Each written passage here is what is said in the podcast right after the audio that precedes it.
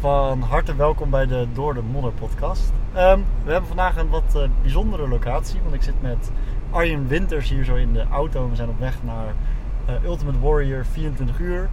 Ehm, we gaan beide meedoen en we gaan het eh, deels daarover hebben, maar deels ook over alle andere avonturen die we al samen hebben beleefd, maar ook die Arjen in zijn eentje heeft gedaan. Voor de mensen die Arjen niet kennen, ook een ehm, goed eh, behangen OCR-loper. Veel medailles, eh, veel gekke, gekke races. Eh, IJsland 24 uur, ook vijf keer naar het WK geweest. Dus Arjen heeft ook wel wat ervaring. Doe ik je dan tekort? Of, Nou, het lijkt me prima introductie. ja, toch? Ja, we zijn ehm, op, zoek naar, of, op weg naar Ultimate Warrior. Dus ehm, je kan af en toe wat autogeluiden en de navigatie horen. Ehm, maar ja, dat is, daar krijg je een beetje. Ben je er klaar voor, Arjen? Ik denk het wel. Ja? Ja, bij zulke races weet je het eigenlijk nooit helemaal zeker. Er zijn best wel veel factoren die nog invloed kunnen hebben op je prestaties. Eh, voedsel, slapen vanavond, eh, weersomstandigheden. Maar eh, ik denk dat ik goed voorbereid ben. Ja. Heb je ergens echt angst voor of eh, valt het mee? Valt mij. Mooi, dat is altijd, eh, altijd goed. En eh, ik gaf het net in de introductie al aan. Je hebt ehm, eh, eerder al wel ehm, eh, Spartan IJsland 24 uur gedaan. Dat was je enige 24 uur? Ja, klopt. Dat is eh, vier jaar geleden geweest in IJsland eh, in de winter. 24 uur race van Spartan Race. En eh, dat waren rondes van 10 kilometer met 600 hoogtemeters erin. Dat is wel iets zwaarder parcours dan wat we nu hebben. Iets Ja. kouder ook. Ja, dat was daar eh, gemiddeld 5 graden en sneeuw en eh, regen en storm en ijzel. Nou, alle ellende die je maar kan bedenken in IJsland, die hebben we gekregen. Maar daarnaast ook wel 4 uur getrakteerd op het Noorderlicht. Dus dat gaf mentaal wel een hele, hele grote boost.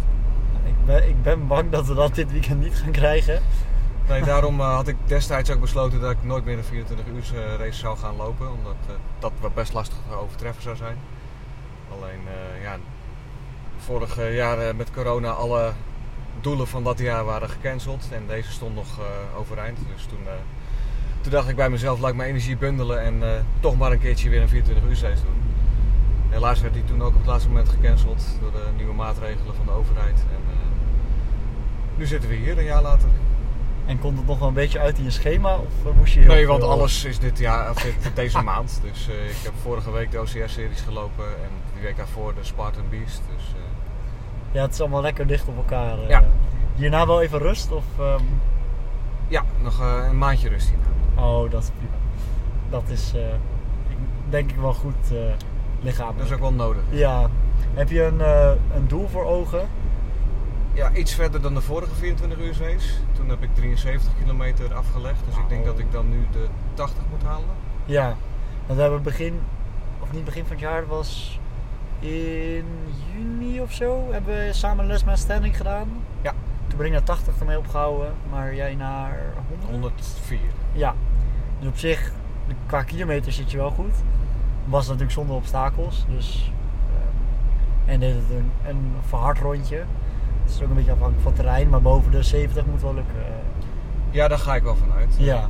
Wat ik net al zei, de omstandigheden moeten ook gunstig zijn. Maar in principe qua training en qua techniek en qua obstakels moet het lukken. Want ehm, ja, voor sommige mensen zal dit eh, heel ver van hun bedshow zijn, maar 24 uur lopen. ehm, hoe bereid je je hierop voor? Eh, door eerst heel veel jaren heel veel te lopen en veel obstakelraces te doen. En dan de lat steeds een beetje hoger leggen. Dus eh, van de normale Strong Viking ga je een keertje naar de Iron Viking.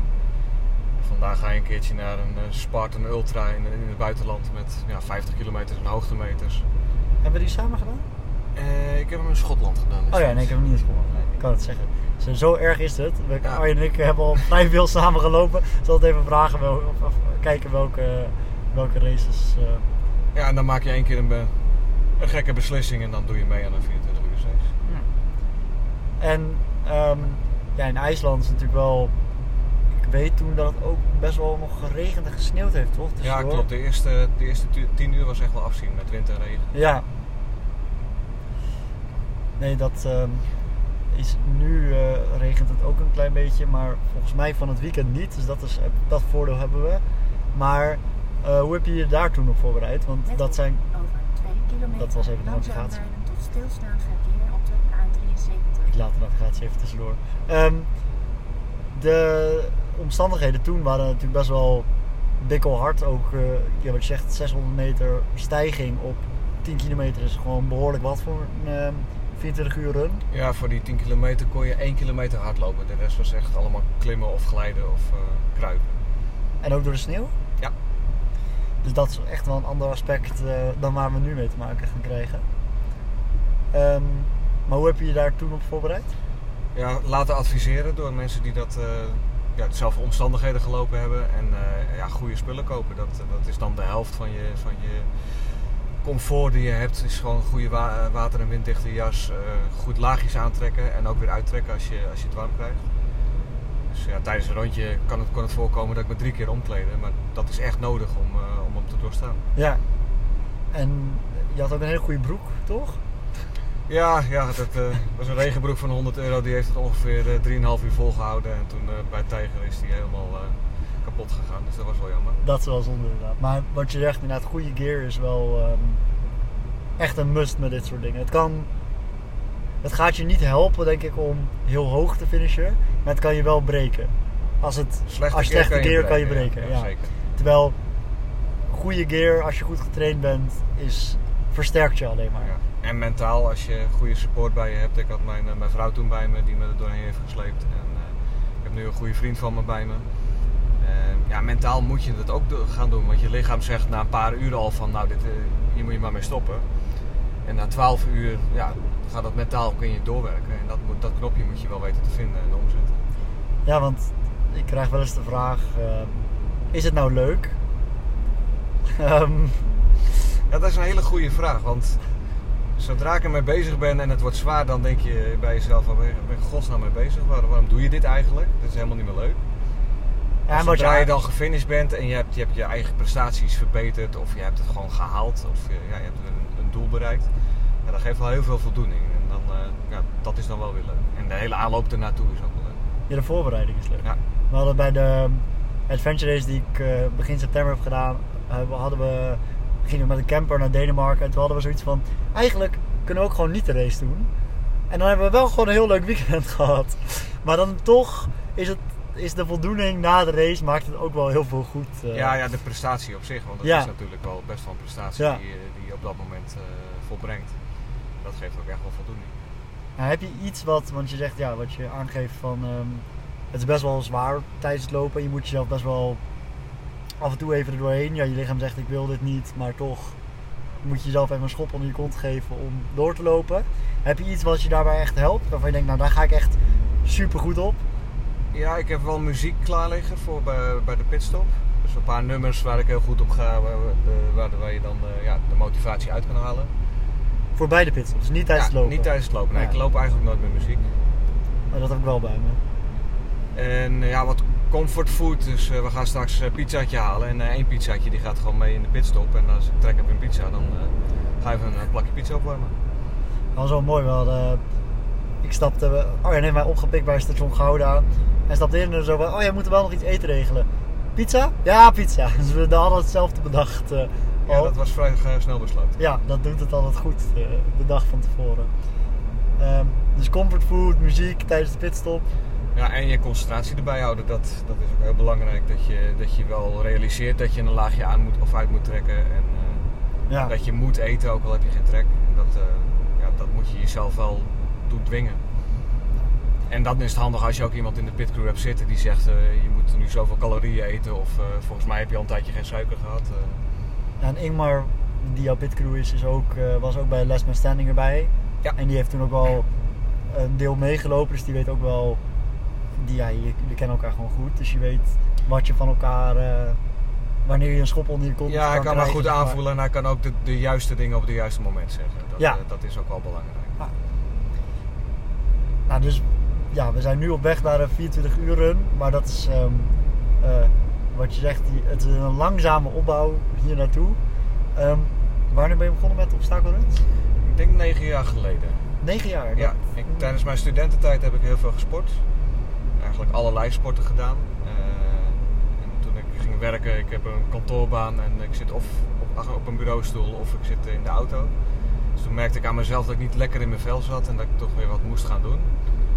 En eh, nou, toen ben ik een rondje gaan hardlopen, dat was helemaal niks, daar vond ik helemaal niks aan. Saai, hè? Dus, ja, dus toen, eh, toen kwam ik ergens een, een reclame tegen van de Strongman Run eh, destijds. En eh, dat was 21 kilometer. Daar heb ik me eigenlijk gewoon blind voor ingeschreven. En toen had ik een goede stok achter de deur om toch te gaan hardlopen en toch ja, sportief bezig te zijn. En ja, dat ging eigenlijk best wel leuk. ging best aardig. Toen was er nog geen competitie, maar ik Was dit de kon eerste, redelijk meekomen. was het de eerste Strongman Run? Denk het wel, ja. Oké. Ja, dat is echt de old school, eh, old school runs. Ja, Ja.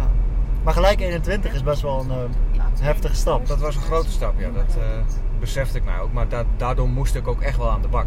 Ja, Want ik wist wel dat ik een 10 kilometer zou ik wel op zich wel moeten, dat, dat zou wel gaan. Dus dan Ja. had ik geen motivatie meer om echt hard te trainen. Kilometer volgen en heb je, heb je, ja, de navigatie komt er af en toe doorheen, maar heb je ehm, veel tijd genomen in die voorbereiding of was het inschrijven en de- het was een paar weken later? Of? Nee, ik, ik had toen wel een maand of acht eh, de tijd om me daarop voor te bereiden. Ja, Maar dus ook echt wel- Bewust, eh, bewust zo gedaan. Ja.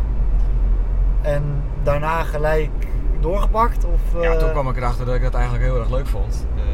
En dat het echt alle facetten heeft die, die, ik, die mij aanspraken qua sport. Dus ja, conditie, uithoudingsvermogen, door de modder kruipen, apenkooien. Dus eh, toen eh, ja, heb ik me voor een aantal andere zaken ingeschreven. De Mudmast eh, volgens mij en Strong Viking die begon toen ook.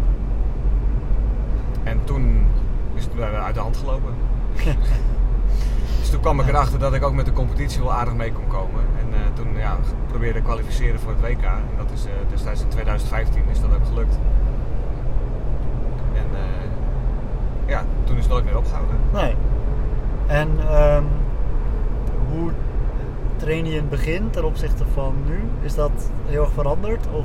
Ja, ik merk dat ik zelf wel echt wel volwassen geworden ben in de sport. Eerst eh, ging ik gewoon zo hard mogelijk 10 kilometer lopen. En eh, eh, ja, dat, een be- beetje push-ups, een beetje pull-ups, maar niet echt gericht getraind. En dan merk je dat je wel heel veel kracht verliest tijdens de wedstrijden op de, op de hindernissen. Ja, een stuk techniek helpt dan Ja. daar. En later toen ik bij jou eh, aan het eh, trainen was, ja, dan leer je techniek, dan leer je efficiënt over de hindernissen gaan. Eh, je wordt beter uitgedaagd tijdens een, een groepstraining of een individuele training. En dan kan je ook echt specifiek aan jezelf werken en ja, dus de zwakke punten verbeteren. Dus dat, en ook, ook het hardlopen en het lopen op hartslag, daar ben ik van pas veel later mee begonnen. En dat, dat merk ik nu ook dat, het echt, dat ik mijn lichaam veel beter ken. Dat ik veel beter inschat, kan schatten wat ik kan en moet gaan doen tijdens een race.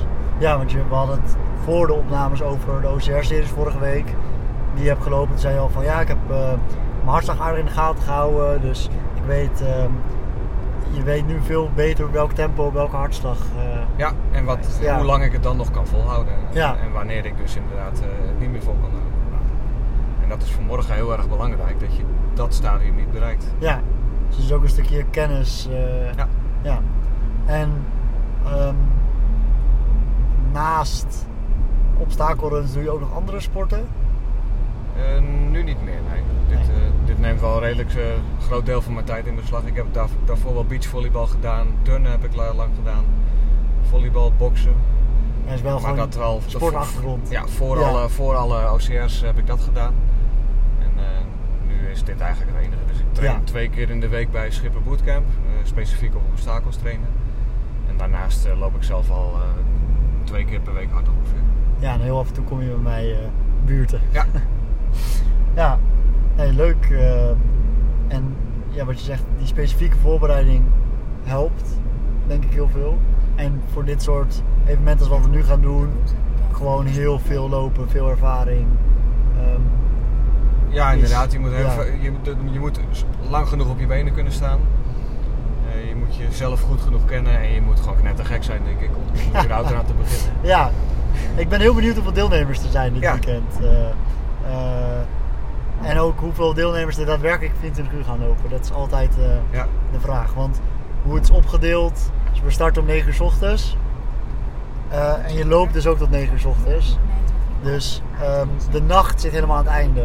En ik denk dat dat, ik weet niet hoe dat in IJsland was. Ja, daar was het eh, van de 24 uur 20 uur nacht. Dus dat, eh, Oh, oké, ja, daar ver. ja, oké, dat, dat, dat is een ander verhaal inderdaad, ja. nou ja, dat is het precies tegenovergestelde. Ik heb toen tappers 24 uur gedaan in Zweden. Toen was het 22 uur dag. Nou ja. Of ja, de, de 20 uur ongeveer. Maar ehm, je zal, ik denk dat zo s'avonds, als het koud wordt en donker, dat dan echt wel mensen af zullen vallen. ja, dan krijg je de mentale klap. eh, Ja. dan, dan wordt het inderdaad eentonig. eh, de omgeving verandert niet meer. Het wordt koud. Dus dat, eh, dat zal voor veel mensen zwaar worden. Ook voor, voor ons natuurlijk. Ja, ja, ja, zeker. Ik denk dat het belangrijk is, dat mentale aspect is, ehm, ga je, natuurlijk lichamelijk ook. Dat is, zo simpel is het ook wel, je moet het ook volhouden. Maar het mentale aspect kan je het wel echt op, eh, op winnen Ja. van het weekend. Dan weet ik niet of dat mijn ambitie is dit weekend om te winnen. Maar eh, Nee, ja, het, ik het bedoel, volbrengen het- en, en- en het- één het- kilometer meer lopen dan de vorige, dat, eh, Precies. dat, daar ben ik ook wel tevreden mee. ja, ja, 105 kilometer minimaal. Oké, daar, Toch? daar dat hou ik jou dan ook aan, hè? Ja, ik wil minimaal 110. Dat is de target. Alles daarboven Oké, dan is. ga ik voor 115. Hey, hey, rustig. Arjen en ik lopen altijd. ehm, we hebben meerdere races bij, daar waar we samen heen gaan. En dan starten we altijd zelf, zelf. En dan komen we binnen vijf minuten van elkaar bij Getting Tough. En bij het WK ook. Ja, en bij de Iron Viking eigenlijk Ja. altijd op vijf minuten nauwkeurig. Ja. De ene keer win, wint Tim, de andere keer eh, win ik. Ja, dus we wisselen elkaar lekker af. Dus ik denk ook dat we de eerste, het eerste stuk morgen samen gaan lopen. En dan ehm, daarna lekker ons eigen ding gaan doen. Dan zien we wel Dat, het gaat. eh, ja. ja, wij, Maar eh, het is voor mij ook niet altijd een kwestie van winnen of verliezen. Of, ja, je, Oh, eigenlijk nee. meer jezelf uitdagen en kijken hoe je, hoe je ten opzichte van jezelf eruit komt. En s- natuurlijk met een EK en een WK, dan ga je natuurlijk voor het maximale en dan kijk je ook naar je concurrentie. Maar ik vind het ook af en toe gewoon leuk om een fun run te lopen en dan gewoon ook even eh, ja, niet Ja. bezig te zijn met, met prestatie, maar Maar- gewoon lekker gezellig eh, de Ik hele heb- club weer te ontmoeten en daar, eh, daar iets geks mee te doen. De Red Race is een heel goed voorbeeld daarvan. Ja, dat is ook een leuk. eh, is echt een fun Ik ben zelf nog nooit geweest, maar ga je naar de laatste? Ja. Leuk. Dubbelmakker? Ik ga kijken of ik nog mijn ticket kan opzetten naar dubbel. Ja. Leuk, ja. Voor de ja, red race 32 kilometer in ehm, Engeland. Ja. En ehm, met een heel groot festival eromheen. Als je de dubbele loopt, dan loop je dus twee rondes van 3264. Ja, je start in de feesttent eh, met een biertje en eh, ja, je finisht ook weer met een biertje. En, eh, Het is echt gericht op, op plezier maken. Dus een aantal hindernissen zijn bijvoorbeeld ook horrorclowns of eh katapultschieten. Maar een hele daarnaast grote wasstraat toch? Ja. Wasmachines. skippyballen. En je hebt de Ewok Village. Ja. De gekke houten planken. Ja, ik ben zelf nog nooit geweest. Ik ben niet zo'n festivalganger. Ja, het is echt, Ja. echt een, de ideale combinatie van een festival en een oceaan. Ja. Maar daarnaast hebben ze ook wel weer de la- langste monkeybar ter wereld van 150 meter. Dus dat is dan wel weer een serieus Ik huis. echt een draairoop toch, als je hem finisht? Of een Ja. schoenen, of wat was Ja, het? ik weet niet eh? meer wat tegenwoordig de prijs is. Maar er zijn van de duizenden deelnemers zijn er altijd maar een handjevol die hem halen. Ja. Nee, dus... eh, En dat- laatst heb ik bijvoorbeeld ook de marathon van Luik, de Beer Lovers Marathon gelopen. Daar krijg je tijdens je marathon eh 16 speciaal biertjes. Dat vind ik ook altijd grappige evenementjes om aan mee te doen. Het was geen PR, maar het was wel, eh, ja, wel gezellig. 16, bier, 16 speciaal bier onderweg. Ja, En wat voor tijd loop je dan? eh 6,5 uur. Oh ja, dus gewoon waarvan rust. een waarvan soort van- 4,5 uur netto lopen en de rest gewoon een beetje Ja. kijken en biertjes drinken. Ja. Dus gewoon een ervaring inderdaad. Ja. Leuk, ja. Zeker aan te raden. Ja. Waar was het? Leuk? Luik, Lekker ja. België, ja. Top. Ik weet ook dat je hebt ook wel van die eh, eh, runs rond brouwerijen, toch? Waar ook dit soort... Ja, eh, brewery runs, eh, Ja. die, die zie je nu ook steeds vaker terugkomen in, in de grote steden. Ik ben nog steeds voor de bierobstakelrun. Die ja, we ooit die gaan we ooit een keer regelen. Ja. We hebben ooit, een, ooit in een... eh waar we naar Getting Tough was dat, denk ik? Ja, toen hebben we heel lang in de auto Toen gezeten. hebben we heel lang in de auto gezeten. Met z'n drieën, vieren, vieren. Ja. ja. Toen eh, hebben we met z'n vieren in de auto gezeten. We hebben bedacht dat, er een, eh, dat je best een obstakelrun zou kunnen maken om het thema bier. Dus ehm, als mensen die dit luisteren dat zien zitten, stuur ons vooral een berichtje. Dus, eh, Ja, voor tip- tips voor obstakels of hoe Ja. je daar een vergunning voor moet krijgen, dan, eh, die zijn om altijd mensen welkom. dronken over het parcours te gooien. In België mag het, dus misschien moeten we daar naartoe Ja. in de Ardennen of zo. Of, bij, of Warstein, daar zo in de buurt. Die, hebben, die zijn strookbuggy gewend, dus dan kunnen wij best eh, Ja. wat van die kratten die daar staan gebruiken voor eh, onze run. Ehm, we rijden weer inmiddels lekker door. Dus dan eh, gaan we afronden het laatste, wat is het? 65 kilometer naar de run om ons startpakket op te halen. Ja, en daarna lekker pizza eten. eten en slapen. Arjen, dankjewel.